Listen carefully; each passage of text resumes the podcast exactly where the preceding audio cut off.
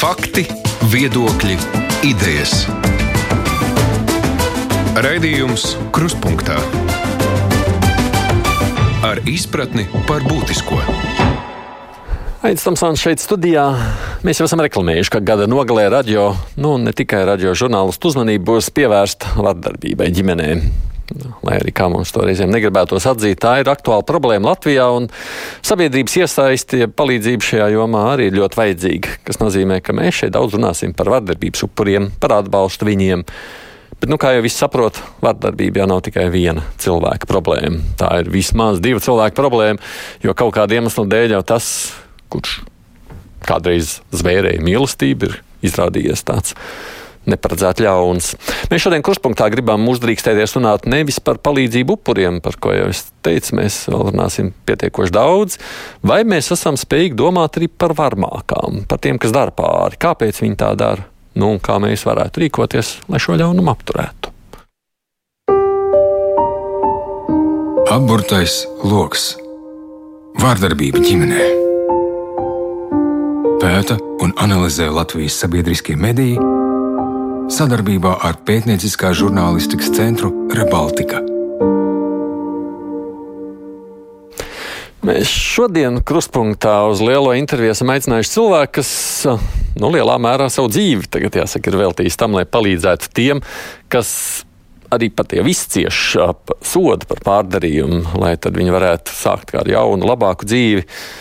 Tāpēc, ka pandēmija, tāpēc arī attālināti raidījumam ir pievienojies valsts probācijas dienesta Nu, ja man gandrīz jāsaka, gandrīz vai ilgadējais vadītājs Mihails Papsijevičs. Labdien jums! Labdien! Septiņi gadi šī te, uh, dienesta vadītāja amatā, nu, laikam vairāk nekā 15 arī pašā dienestā ir jau pavadīta vispār. Ir tas tā pārspīlētu būtu formulēt uh, nu, palīdzība tiem, pret kuriem sabiedrība nu, pamatā izturās labākajā gadījumā ar aizdomām, ja ne ar nicinājumu. Es domāju, tas nebūtu, nebūtu runa pārspīlēta, bet no otras puses, kad mēs lietojam šādus vārdus, palīdzība, ja mēs izslēdzam tādu vienu būtisku lietu vairākuma apziņā, un ir, uh, tas ir vārds atbildība. Jo tā palīdzība nāk caur atbildību, caur spēju uzņemties atbildību gan par savu dzīvi, gan par savu rīcību, gan par to, kas ir nodarīts arī cietušajiem pāri, bez šaubām.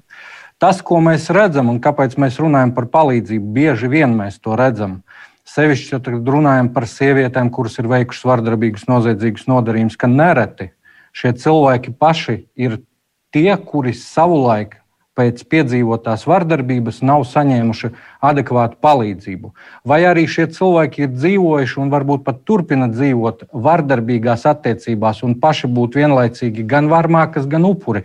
Piemēram, sieviete, kuras sit viņas dzīves biedrus, un viņa savukārt sit un vardarbīgi izturās pret savu bērnu. Uh, Tas ir ļoti, ļoti komplicēts stāsts. Nav tāda viņa un mēs.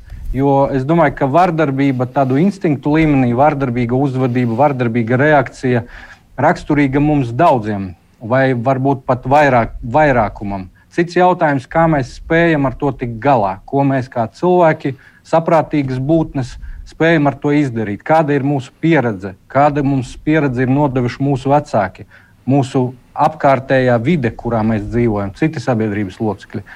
Hmm. Te arī ir tās atšķirības. Jā, bet nu, tādā, pusē, jā, tādā sabiedrības kur, kur viedoklī jau nu, varbūt tas ir vēl no mana bērnības stereotipiem. Mums jau patīk sadalīt labajos un ļaunajos, pasakā gaišie tēli un sliktie tēli. Nu, par sliktiem jau mums nepatīk neko daudz īpaši domāt, un kur nu vēl domāt par viņiem kaut kādās viņu izpratnes kategorijās. Nu, slikts ir slikts. Daļa no mums var izvēlēties domāt kategorijās balts, melns. Ja?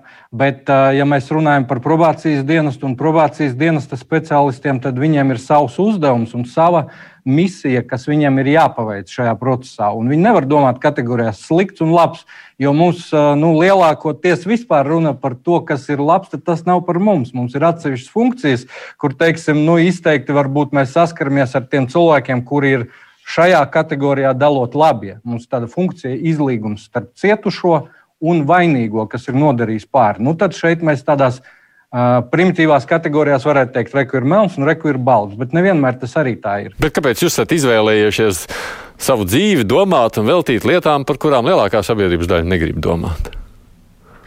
Nu, tas ir tāds garāks stāsts. Es izvēlējos savulaik savu dzīvi saistīt vispār, nu, tad, kad jau es tā sāku apzināti domāt ar, ar jūru un ar iešanu jūrā. Ja? Un pēc 9. klases, deviņus gadus es sevi biju gatavojis tikai šim tādā savā ziņā bērnu jūrnieks, jūrnieks gribējāt būt. Jā, jā, es gribēju būt kapteinis, bet mm. uh, medicīniskajā komisijā sanāca tā, ka es īsti nevaru būt kapteinis. Man iespēja pēdējais doktors, iespēja zīmogu, ka es esmu derīgs tikai kā mehāniķis. Un mehāniķis es negribēju.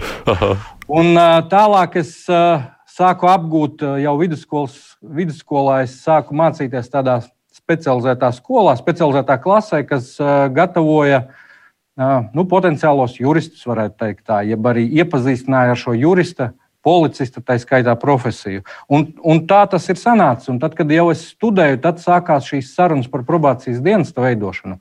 Uz to brīdi es strādāju policijā, un tas, kas man ļoti nepatika, nu, strādājot policijā, un tā nav kritika tā laika, varbūt policijai tik daudz. Šobrīd mēs zinām, ir daudz vairāk instrumentu, bet viens no maniem uzdevumiem bija tieši izbraukumi uz ģimenes konfliktiem.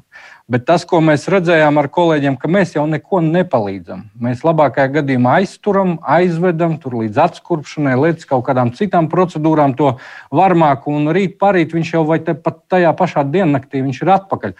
Un tas nelikās nec pareizi, nec eh, bija tā sajūta, ka tu kaut ko liederīgu dari.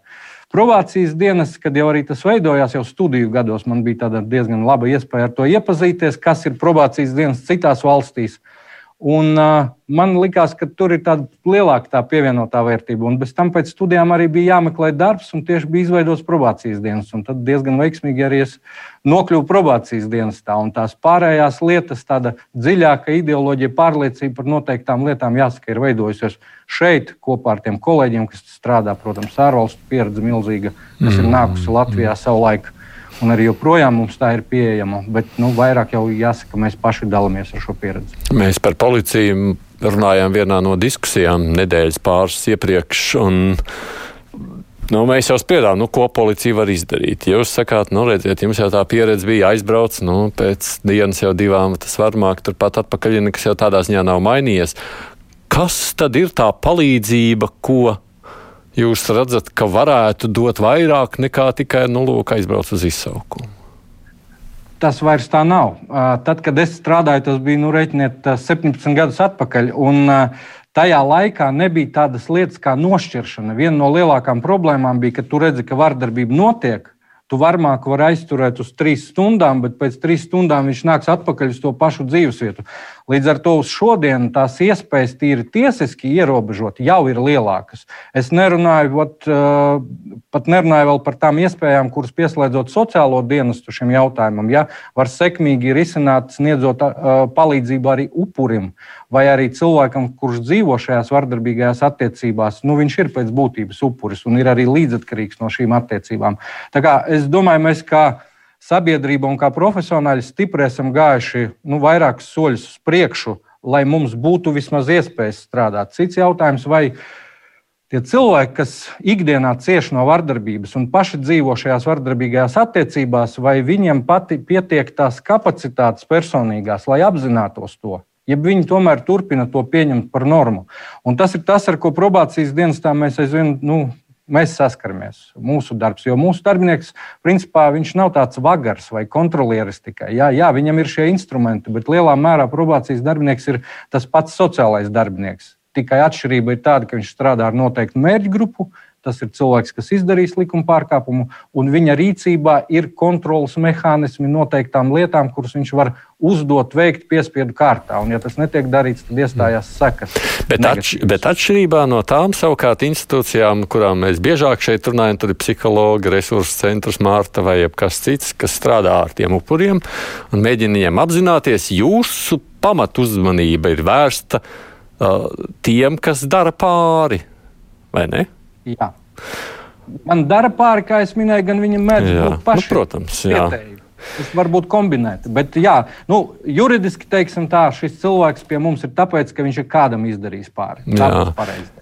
Kad tagad palūkojamies uz viņiem, nu, droši vien taču kādā brīdī varbūt sanāk tās sarunas, kāpēc. Kā jūs atbildat uz to jautājumu? Ko, nu, tādā vispārīgā priekšstarā, nu, kāpēc cilvēki dara otram pāri? Tālāk, kad nemāk risināt savādāk jautājumus. Kļūst par kaut ko aizskaitināts, dusmīgs un savas problēmas risina šādā veidā. Bet tas ir ļoti, ļoti vienkāršoties šobrīd atbildēt. Tie iemesli var būt, nu tā gamma ir milzīga. Iedomājamies, ka alfabētā burti tas ir nu, minimums, tik varētu būt dažādi scenāriji. Viens ir vienkārši dusmas, nespēja valdīt pār dusmām savām. Bet cilvēkam ir resursi, un viņam varētu palīdzēt iemācīties šīs dusmas apvaldīt. Bet varbūt tā, ka ir kaut kāda fizioloģiska iemesla. Cilvēkam vienkārši ir kaut kāda skaitas, veselības skaitas, tā skaitā smadzeņu darbība varbūt ir traucēta. Neironu saites nav izveidojušās adekvātu lēmumu pieņemšanai. Ja? Un tas jau ir daudz sarežģītāks jautājums, ja? kā šādā gadījumā strādāt. Tas, ko mēs redzam daudziem saviem klientiem, piemēram, Mums ir iespēja iesaistīt viņus specializētajās grupu programmās, bet skaits, kurus mēs iesaistām, ir salīdzinoši mazs pret to skaitu, cik mums šādi cilvēki ir. Kāpēc? Jautājums ir, jā, jo liktos, nu jums taču ir resursi, izmantojiet. Bet, piemēram, viena indikācija, ja cilvēkam ir viegla garīga atpalicība, viņš nevarēs strādāt grupā ar pārējiem. Jo ir jāspēj formulēt savas domas, jāspēj atzīt savas emocijas, savas sajūtas, jāspēj atzīt. Tā ir tāda prasība pret to, lai viņš varētu nu, darboties šai grupā. Ja viņš to nespēj, tad tam nav jēgas. Tad tie būs vienkārši iztērēti par velti resursi. Un, ja nevar lietot šo rīku, tad jāmeklē kaut kādi citi rīki, kā strādāt ļoti individuāli, pieejot cilvēku situācijai. Tāpat var būt situācija, kad cilvēkam ir resurss apvaldīt savas emocijas, bet sevišķi šeit mēs varam runāt par tādiem gadījumiem, kad it kā sabiedrībā visnotaļ cienījami cilvēki pastrādā vardarbības, un tad vienā brīdī par to kļūst zināms. Tad lūk, šajos gadījumos tas ir.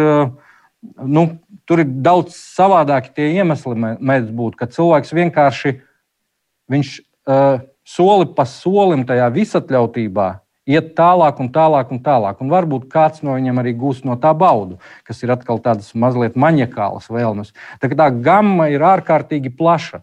Vardarbība var būt arī tad, kad cilvēks aizstāvās pret citu vardarbību. Ja? Un tā arī būs uzvedība, ko viņš paudīs vardarbīga. Jo mm.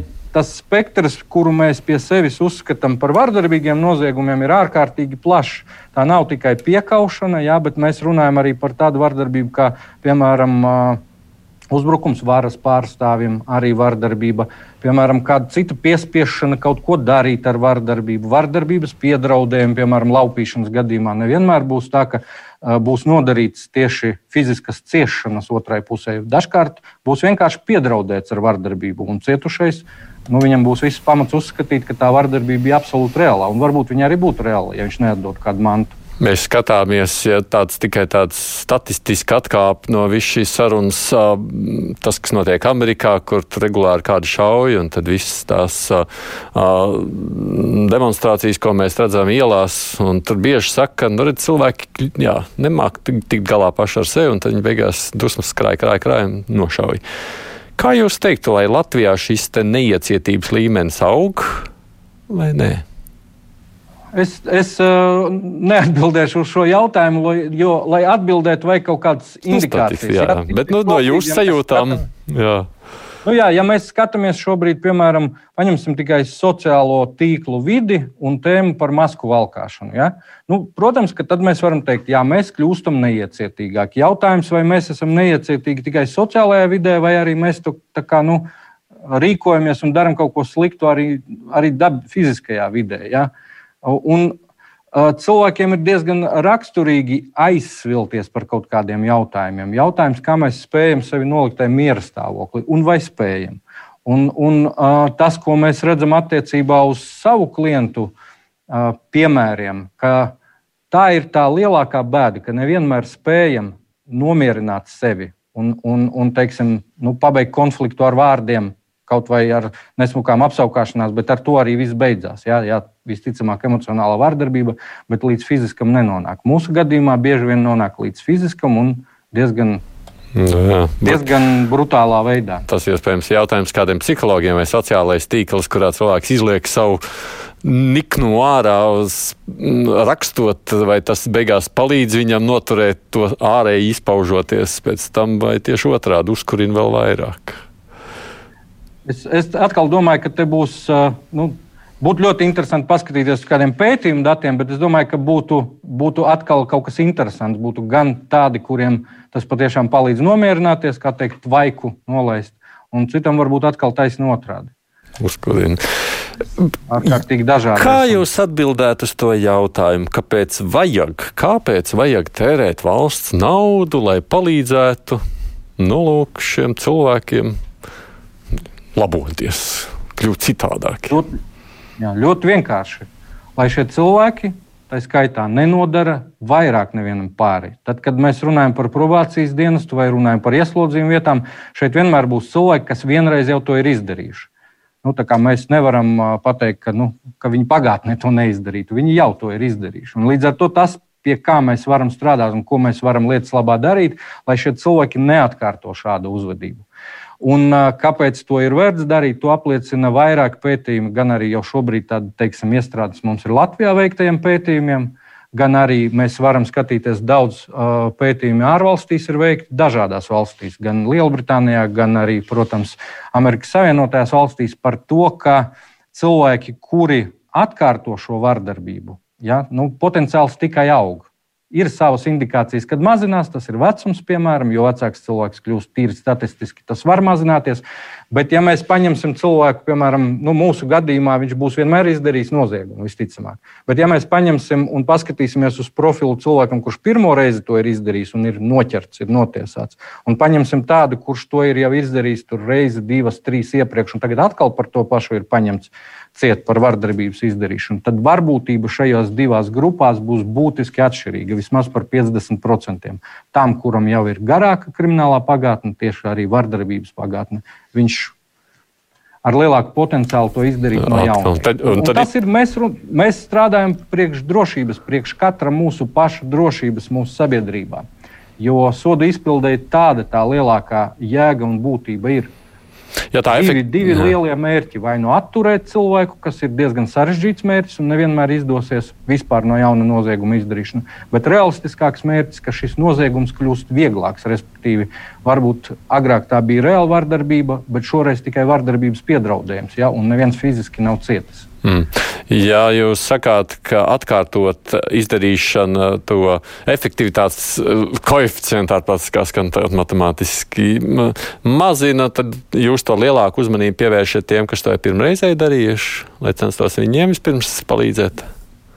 Lai cik paradoxāli tas neliktos, taisnība otrādi. Vairāk resursus mēs tērēsim tiem, kuriem tā varbūtība ir lielāka. Kāpēc? Izdarīt. Tā? Tāpēc, ka šie cilvēki rada lielāku apdraudējumu sabiedrībai un tam resursam, gan cilvēku resursam, gan finanšu resursam un akcentam jāseko un jābūt vērstam tieši uz šīm mērķu grupām. Un atkal tam ir pamatā zinātne, kura pat ir eh, noteikts līdz eh, nu, tādam līmenim, cik stundas, intervences stundas vajadzētu tērēt vienā gadījumā vai otrā gadījumā.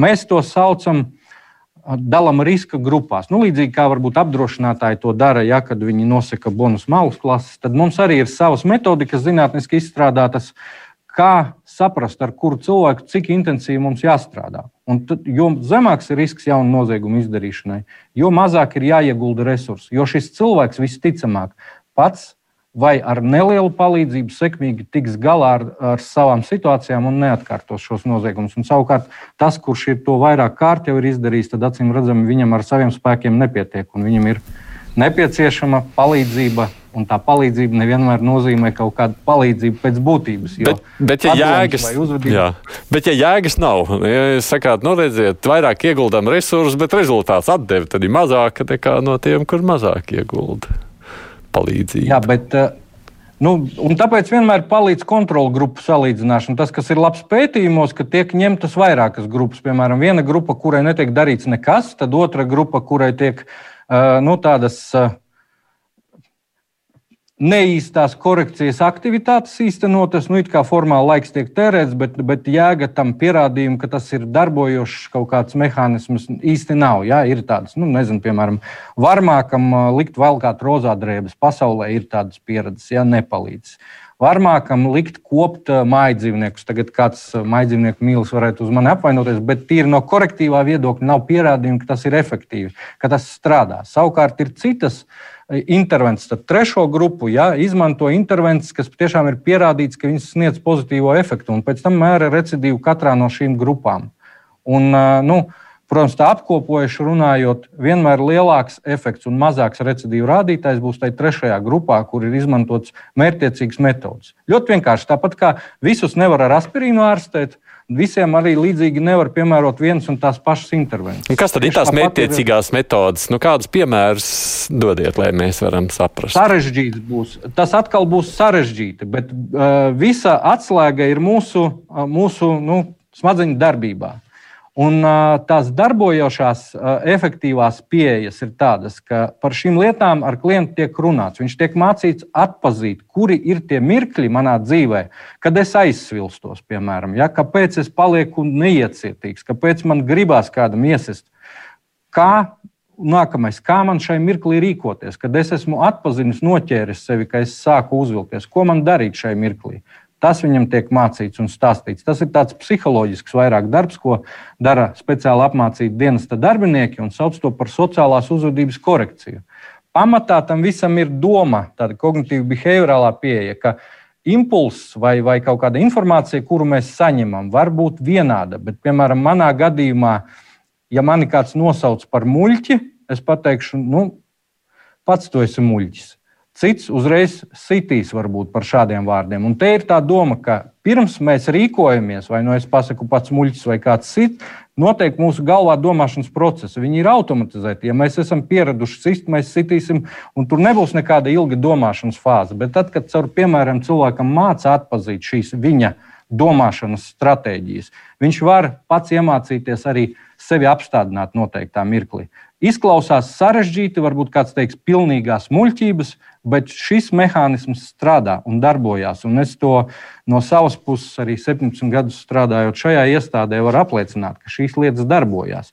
Ne visiem, jo arī cilvēki šajās grupās var piedalīties ļoti formāli. Un nav veida, kā viņu piespiest. Bet tas, kurš gribēs paņemt, tas, kurš novērtēs to, ka tas viņam var palīdzēt. Tas to paņem. Cik daudz gribētāji ir? Ja, Protams, cik cilvēks nu, nav apmierināts ar to, ka viņš ir vardarbīgs vai ka viņš reaģē šādi un ka viņš nonāk ķibelēs. Vairums grib vai negrib mainīt sevi? Es teiktu, tā, ka vairums tomēr vismaz sākotnēji negrib, bet probācijas dienestam ir tas pluss, ka mēs varam uzlikt to ārējo rāmi. Vairums vispār saka, ka spriedums ir netaisnīgs, piemēram, ka, ka Tas nebija tā, tas bija šī tā racionalizētās lietas, jā, vai no otru pusi, ka tā pati bija vainīga un provocēja kaut kādā veidā, un tā tālāk.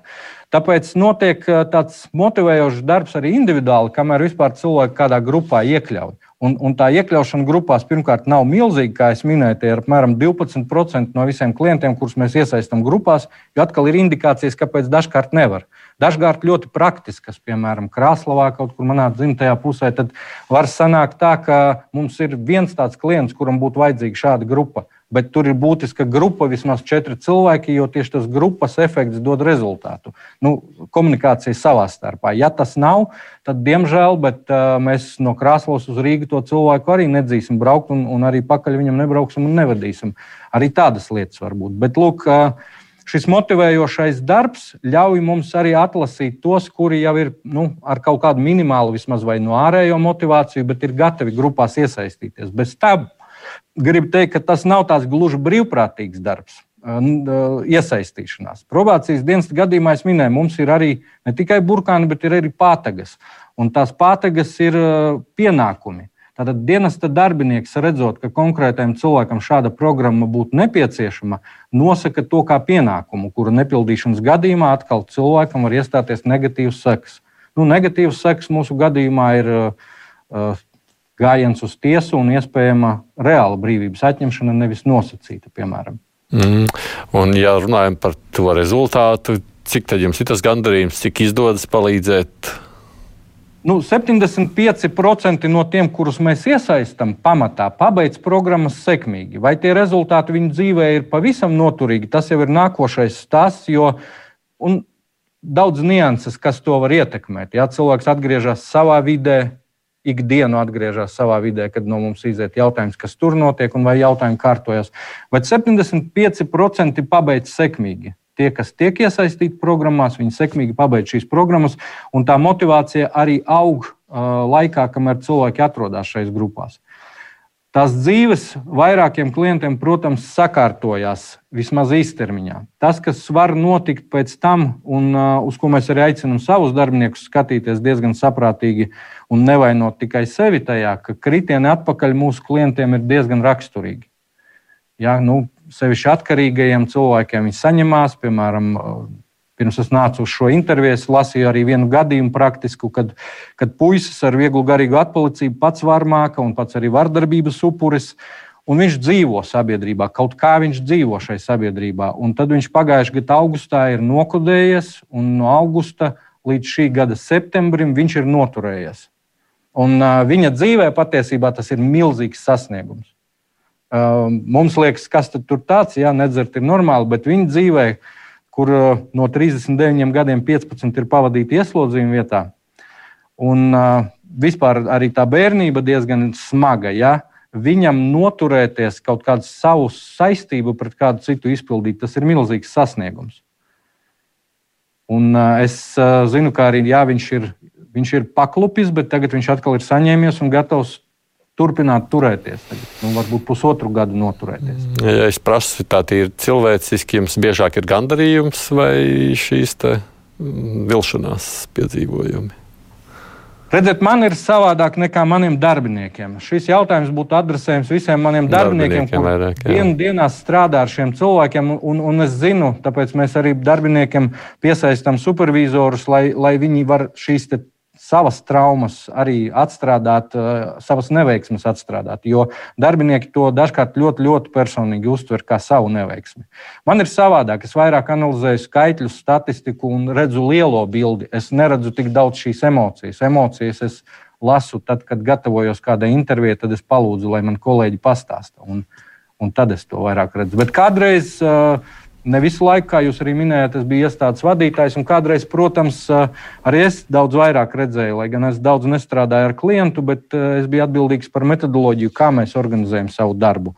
Un, tad, kad mēs 2006. gadā sākām īstenot uzraudzību nosacīt notiesātajām personām, pirms termiņa atbrīvotajām, tad viena no grupām bija dzimuma noziedznieki. Un šī ir ļoti smaga grupa. Nu, un, Mēs, protams, ka tajā brīdī neapzinājāmies, ar ko mums būs darīšana tieši kontekstā ar mūsu darbiniekiem. Un jau pēc pusgada darbinieki no visas Latvijas vienkārši teica, ka ir nepieciešama sanākšana kopā, runāt, kā strādāt, jo tās pamatmetodas ar šīm grupām nestrādā. Emocionāli tas ir ārkārtīgi smagi strādāt ar šiem cilvēkiem, zinot arī, cik daudz upuri ir un kā jūtas šie upuri un kas vispār ir noticis.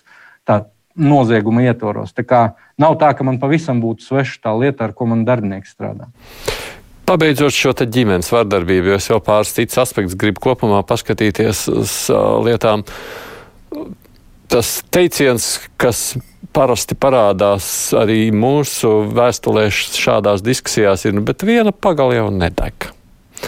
Cik daudz jūs uz šīm lietām skatāties, nu, ne tikai ar vienu varmāku runājot, bet nu, kopā ar gan varmāku un upuru? Nu, Protams, cik daudz tas tiek risināts kompleksi un cik tomēr nē?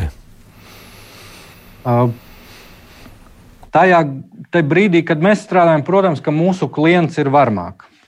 Bet uh, šis jautājums ir ļoti labs, un es tikai negribētu uh, lai mēs ar šiem vārdiem viena pagala nedeg, saprotam, ka cietušais pats vainīgs. Ne, lai nekādā gadījumā mēs tā nepadomājam. Ja? Jo, jo es tomēr šīs lietas diezgan strikti nodalu, ka atbildīgs ir tas, kas dara pāri. Nevis tas, kas saņem. Vienalga, ko tas ir teicis. Jā, to var vērtēt, var domāt, kas, kā viņus nu, izlīgt šiem cilvēkiem tālāk un kā viņiem dzīvot. Bet tajā brīdī, kad viens rīkojās aktīvi un dara citam pāri, tad uzņem, viņam ir jānes par to atbildību. Bet, ja mēs runājam par to, cik šīs situācijas ir kompleksas, sarežģītas, tad pilnīgi noteikti tas, kas mums palīdz mūsu darbā un ko mēs praktizējam, nu, vismaz kopš 2015. gada tā aktīvi, tā ir starpinstitūciju sadarbība. Jo, kā jau minēju, uh, Var, šis cilvēks var būt mūsu klients, un viņš ir notiesāts. Bet ģimenē, kurā viņš dzīvo, ir mazi bērni, ir otrs partneris, vienalga vīrietis vai sieviete, kurš eh, var būt gan varmācīgs, gan arī var ciest no šīs vardarbības, turpināt. Un tāpēc ir ārkārtīgi svarīgi Tad, kad mēs runājam par vardarbīgiem gadījumiem, ka vismaz vienu reizi mēs sanākam un uz bildi paskatāmies kopumā.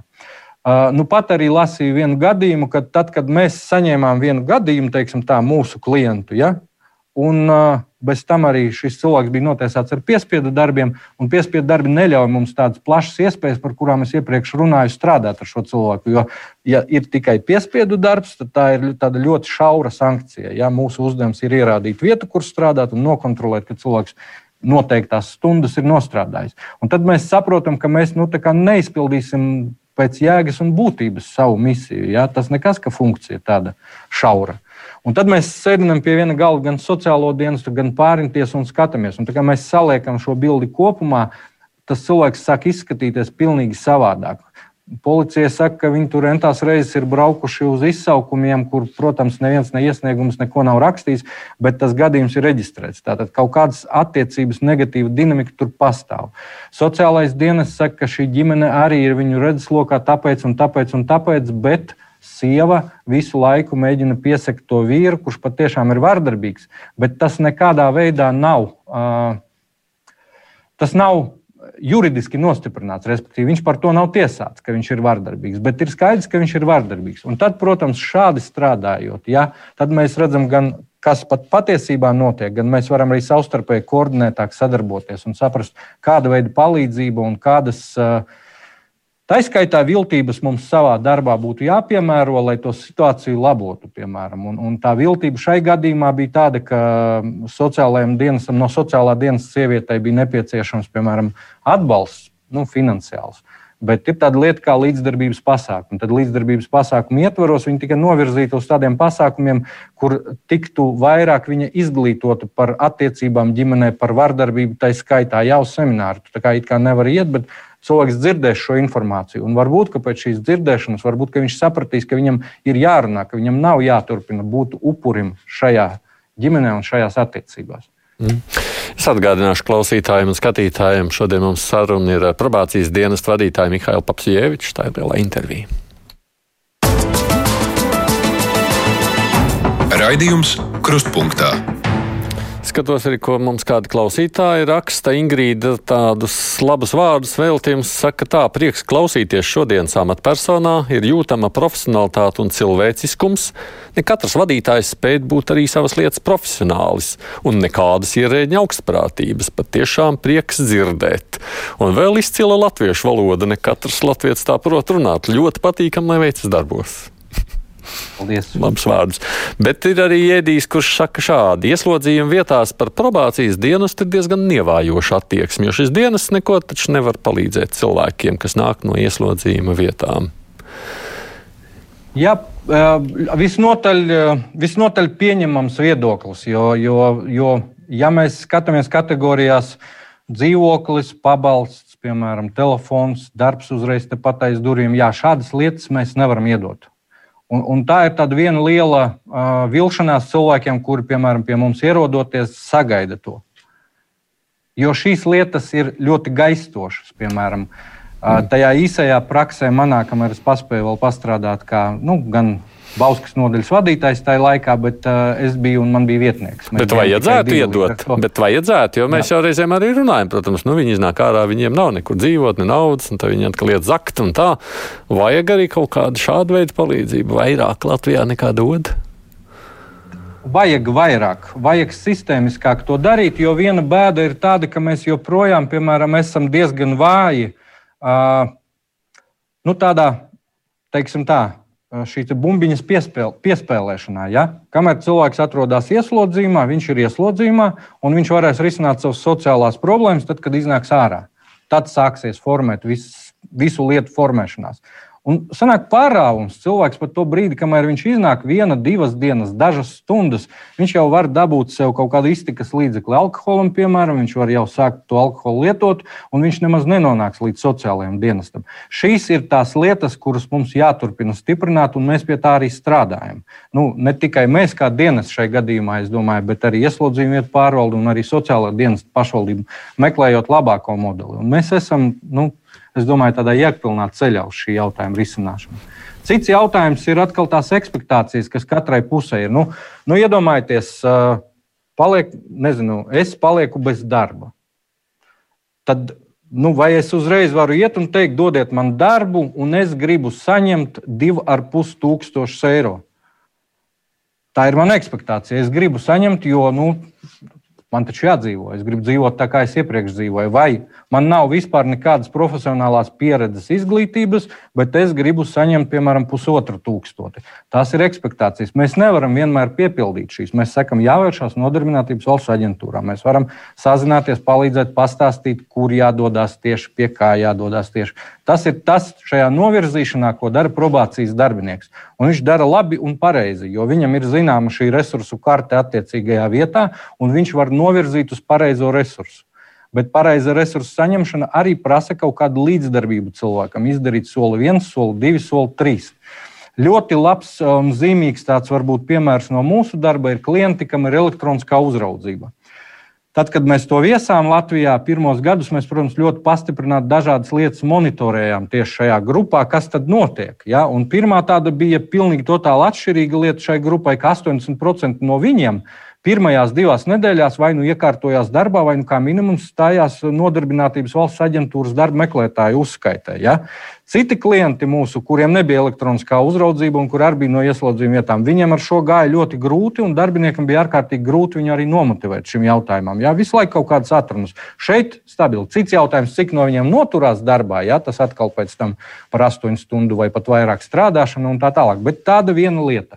Otra lieta, ko pēc kāda laika vairāki no viņiem minēja, jo elektroniskās uzraudzības uh, ietvaros tiek sastādīts tāds strikts grafiks tikos tev jāiet ārā, tikos tev jādara tas, tikos tas, tikos tas. Ka nekad mūžā, daži teica, viņi nav savu dzīvi plānojuši tik skrupulozi, kā tas ir noticis šajā ietvarā, un ka tas ir palīdzoši viņiem vispār kopumā dzīvē, plānot savu dzīvi, savu ikdienu. Jo mūsu klienti nav visi vienādi. Mums ir ļoti dažādi klienti, citi izcili prot plānot gan savu, gan citu cilvēku dzīvi. Bet uh, tāpat laikā ir viena daļa mūsu sabiedrības, kas nav raduši sevišķi 20, 25 gados vispār plānot. Gribu guļu līdz vienam, gribu sēžu naktī līdz pieciem. Un, un, un mēs saprotam, ka pie šādām prasībām pret sevi tu nevari nu, sagaidīt, ka nezinu, darba devējs būs gatavs uh, tev iet pretī un, un visus tavus jautājumus risināt. Tāpat arī ar valsts iestādēm. Tāpēc es absolūti pieņemu šo uh, nu, savā ziņā konstatējumu, ka tur jau neko nevar dabūt. Jā, tādas materiālas lietas pie mums ir sarežģīti dabūt, bet mēs zinām, uz kuriem novirzīt cilvēku. Kā jūs salīdzinātu Latvijas probācijas dienas iespējas ar to pakalpojumu, ko jūs dodat ar citām valstīm? Kādā līmenī mēs esam? Mēs neesam nu, nemaz tik sliktā, jo man ir tā iespēja salīdzināt gan ar rietumiem, gan varbūt ar austrumiem. Salīdzināt. Un, un tad, protams, ka vairākās rietumu valstīs šis jautājums ir daudz attīstītāks. Nu, Tīri tāds salīdzinājums. Īrijā probācijas dienas gan darbinieku skaitliskā ziņā, gan klientu ziņā ir apmēram tāds kā Latvijas. Ļoti līdzīgs. Un mēs arī diezgan labi draudzējamies. Bet uh, īrijas probācijas dienestam ceturto daļu viņu budžeta, nav svarīgi, cik liels tas budžets ir šobrīd, bet ceturto daļu veido līdzekļi, nevalstiskās sektora līdzfinansēšanai attiecībā uz tām jomām, kuras ir palīdzošas probācijas klientiem, piemēram, atkarību ārstēšana, nodarbinātības jautājumu risināšana, jauniešu dažne dažādas organizācijas, sociālā uzņēmēja darbība, kura integrē gan darba tirgu, gan sociālajā dzīvē dažādas riska grupas, tā skaitā. Ja? Un tas ir ārkārtīgi būtiski šāda pieeja, jo tas patiešām mērķiecīgi ļauj uh, izmantot pieejamo resursu, tā skaitā arī atbalstot noteiktas organizācijas, kuras nu, kā pilsoniskā sabiedrība ir ārkārtīgi svarīgas, lai riska grupas nu, tiktu integrētas mūsu sabiedrībā. Un, Un tas ir ceļš, uz kuru mums arī ceļš, kurā mums iet. Šobrīd mums šī nauda ir visnotaļ minimāla. Jā, 50 tūkstoši gadā no 9,3 miljoniem mēs līdzfinansējam sociālās rehabilitācijas pakalpojumus. Patstāvīgi mēs varētu nodrošināt, piemēram, stacionāros. Tas nozīmē dzīvesvieta, ēdināšanu un plus aktivitātes, kas ir vērstas uz cilvēku nodarbinātības jautājumu risināšanām nu, un citām lietām.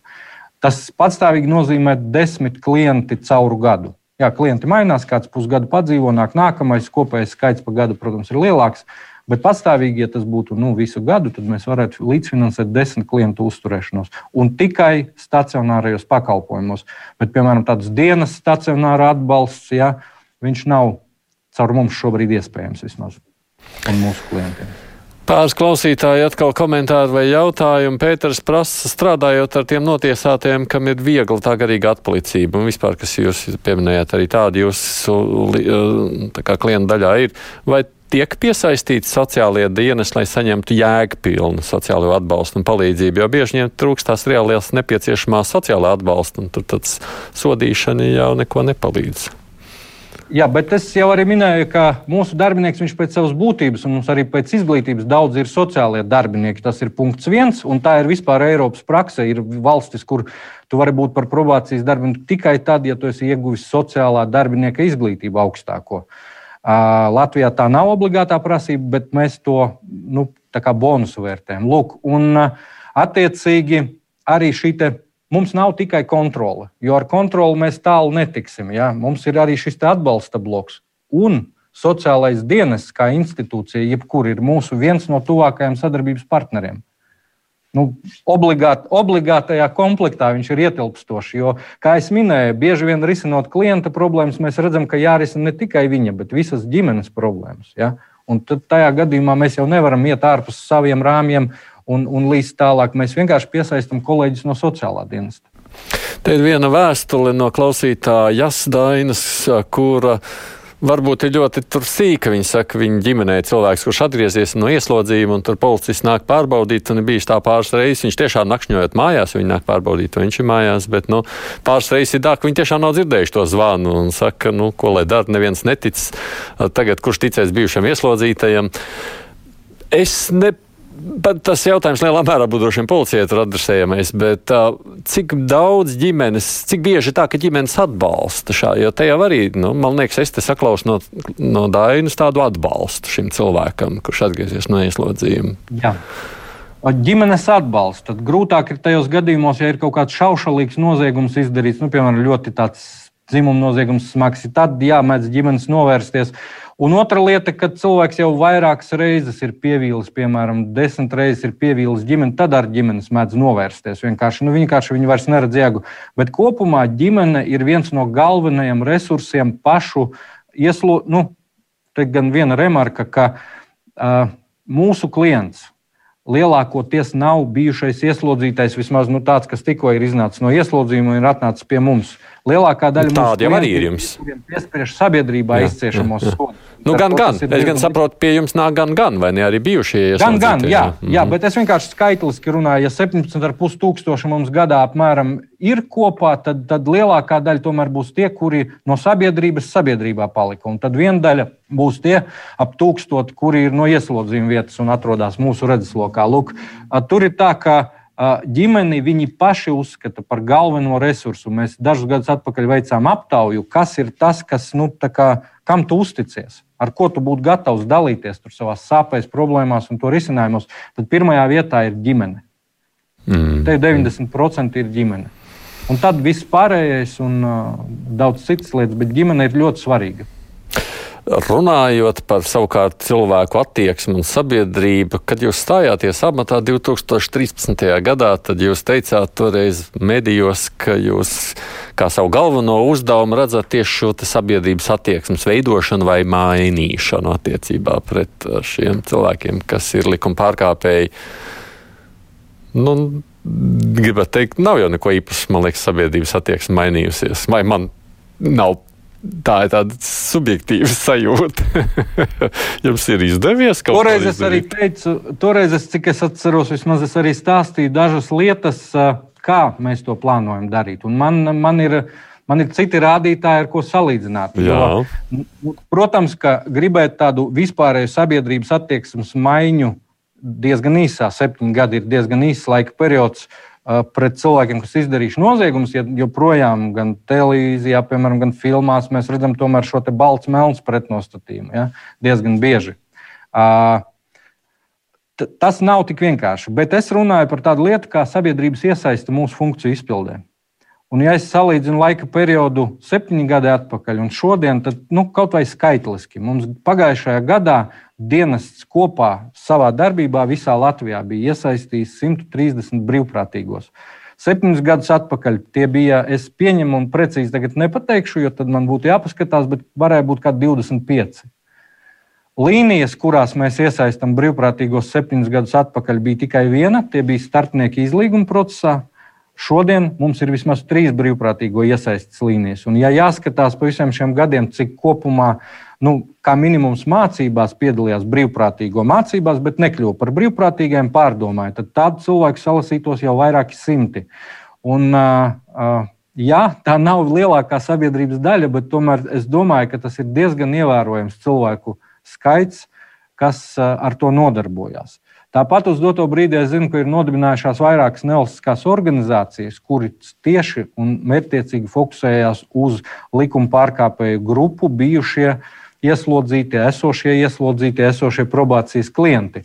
Nav nekāds, protams, noslēpums, ka šīs NVO gan dibinātāji, gan arī aktīvi biedri šobrīd ir vai nu bijušie valsts probācijas dienesta darbinieki, vai nu esošie, vai nu arī ieslodzījuma vietu sistēma darbinieki. Tā kā es domāju, ka ar šo mērķi nav gājis pavisam slikti. Es, ja drīkst, es pāris minūtes vēl tomēr veltīšu šiem brīvprātīgajiem. Man savulaik mm, tieši festivālā Lampa arī nācās par šo vairāk gan dzirdēt, gan domāt. Šie tie brīvprātīgi, ja mēs citās jomās ļoti nu, uzslavējam, priecājamies par viņiem, dodam balvas, tad brīvprātīgie, kas palīdz ieslodzītajiem, nav daudz uh, dzirdēti. Proti, viņi, par viņiem bieži nemaz nerunā. Tāpēc es gribu sacīt, Jā, nu, kā jūs novērtējat šo? Kāpēc ja cilvēki savu brīvo laiku ir gatavi veltīt kādiem, kurus liela daļa sabiedrības nevērtē? Tāpēc, ka viņi ir lieliski cilvēki, tas ir primāri. Ja? Tāpēc, ka viņi ir cilvēki, kuriem nav viena alga, un uh, dažādu apstākļu dēļ viņi ir kļuvuši par brīvprātīgajiem pie mums. Un tas ir ļoti forši. Un pagājušajā gadā arī Tieslietu joma ir nodibinājusi balvu brīvprātīgajiem tieši saucās balva cilvēks cilvēkam, un šo balvu pasniedz tieši tiem brīvprātīgajiem, kuri savu brīvo laiku, savu enerģiju, savas zināšanas, savus talantus velta darbam ar tiem cilvēkiem, kuri ir izdarījuši likuma pārkāpumu un nokļuvuši vai nu probācijas dienas redzeslokā, vai nu ieslodzījuma vietu redzeslokā. Un nu pat mēs arī esam izlēmuši apbalvot, kuri, kuri brīvprātīgie tiks apbalvoti šogad. Un tas arī notiks decembra sākumā, jo 5. decembris ir starptautiskā brīvprātīgā diena. Tad šai dienai piesaistot, mēs tradicionāli rīkojam konferenci saviem brīvprātīgajiem. Tas nav jau tas, ne, tas nav otro gadu. Šogad, diemžēl, konference varēs būt tikai virtuāli vai par laimi, es nezinu. Bet mūsu brīvprātīgie ir fantastiski. Es varu pateikt par dienesta brīvprātīgajiem Covid laiks un, un komunikācija ir jāierobežo. Bet tas nemazina to, ka cilvēkiem ir daudz dažādu problēmu arī mūsu klientiem, tā skaitā neskaidru jautājumu. Tad brīvprātīgie ir viena no tiem, kas ar šai laikā teica, nē, mēs strādājam, jā, mēs nevaram tikties, bet mēs sazvanīsimies, mēs runāsim, mēs noskaidrosim, mēs viņiem palīdzēsim risināt kaut kādus ikdienas jautājumus, kurus varbūt viņi vienkārši nezina, kā atrisināt paši. Varbūt kādreiz ar kādu no tiem jūsu brīvprātīgajiem vajadzētu plašāku sarunu arī mums šeit, radio vai ne? Izveidot. Jā, Es arī lūkojos vēl, ko cilvēki prasa un jautā. Droši vien, ka par cietumiem vēl pāris minūtes var veltīt. Ruta prasa, ko tad jūs domājat par šiem Latvijas cietumiem? Ar tiem taču arī var biedēt. Nu, redziet, uh, Mums atkal liekas, ka biedēšana ir stratēģija, bet biedēšana ir laba stratēģija cilvēkiem, kur neizdara likuma pārkāpumus, vai vismaz tādus, par kuriem ne, nu, nedraud ieslodzījums. Ja? Un tā atkal ir tāda izpētīta lieta. Un man arī kādreiz likās, nu, ja biedē, tad, nu, tā, ja es zinu, kas par to paredzēts, tad, tad tā kā nevajadzētu darīt. Bet tā tās lietas, diemžēl, nestrādā. Jo tajā brīdī, kad cilvēks plāno izdarīt noziegumu, viņš, protams, kaut kādā mērā plāno, kā izvairīties no atbildības. Bet ne tad, ja viņš ir narkotiku vielu reibumā, ne tad, ja viņa prāts ir aptumšots no alkohola, no kaut kādām citām lietām. Tas ir mazliet sarežģītāk. Un uh, sevišķi cilvēki, kuri jau tur reiz ir bijuši, viņi īpaši vairs nebaidās no, no tā, ko viņi ir pieredzējuši. Jā, viņi zina, ar ko jārēķinās. Varbūt viņiem noteikti ir savas bailes par kaut ko, kā mums jebkuram, bet tās vairs nav tādas mežonīgas bailes kā cilvēkam, kurš nekad nav bijis ieslodzījumā.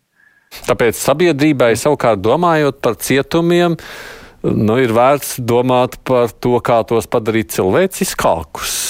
Un tam būtu efekts. Nenoliedzami, ja mēs, ja mēs, ja mēs gribam, mums taču jāsaprot, ka lielākā daļa no cilvēkiem, kas nonāk ieslodzījumā, agri vai vēlu iznāk ārā. Un tad ir jā, ļoti vienkārši, kādu cilvēku mēs gribam redzēt ārā. Mēs gribam redzēt cilvēku, kurš ir dusmīgs uz visu pasauli. Jā, viņš ir izdarījis noziegumu.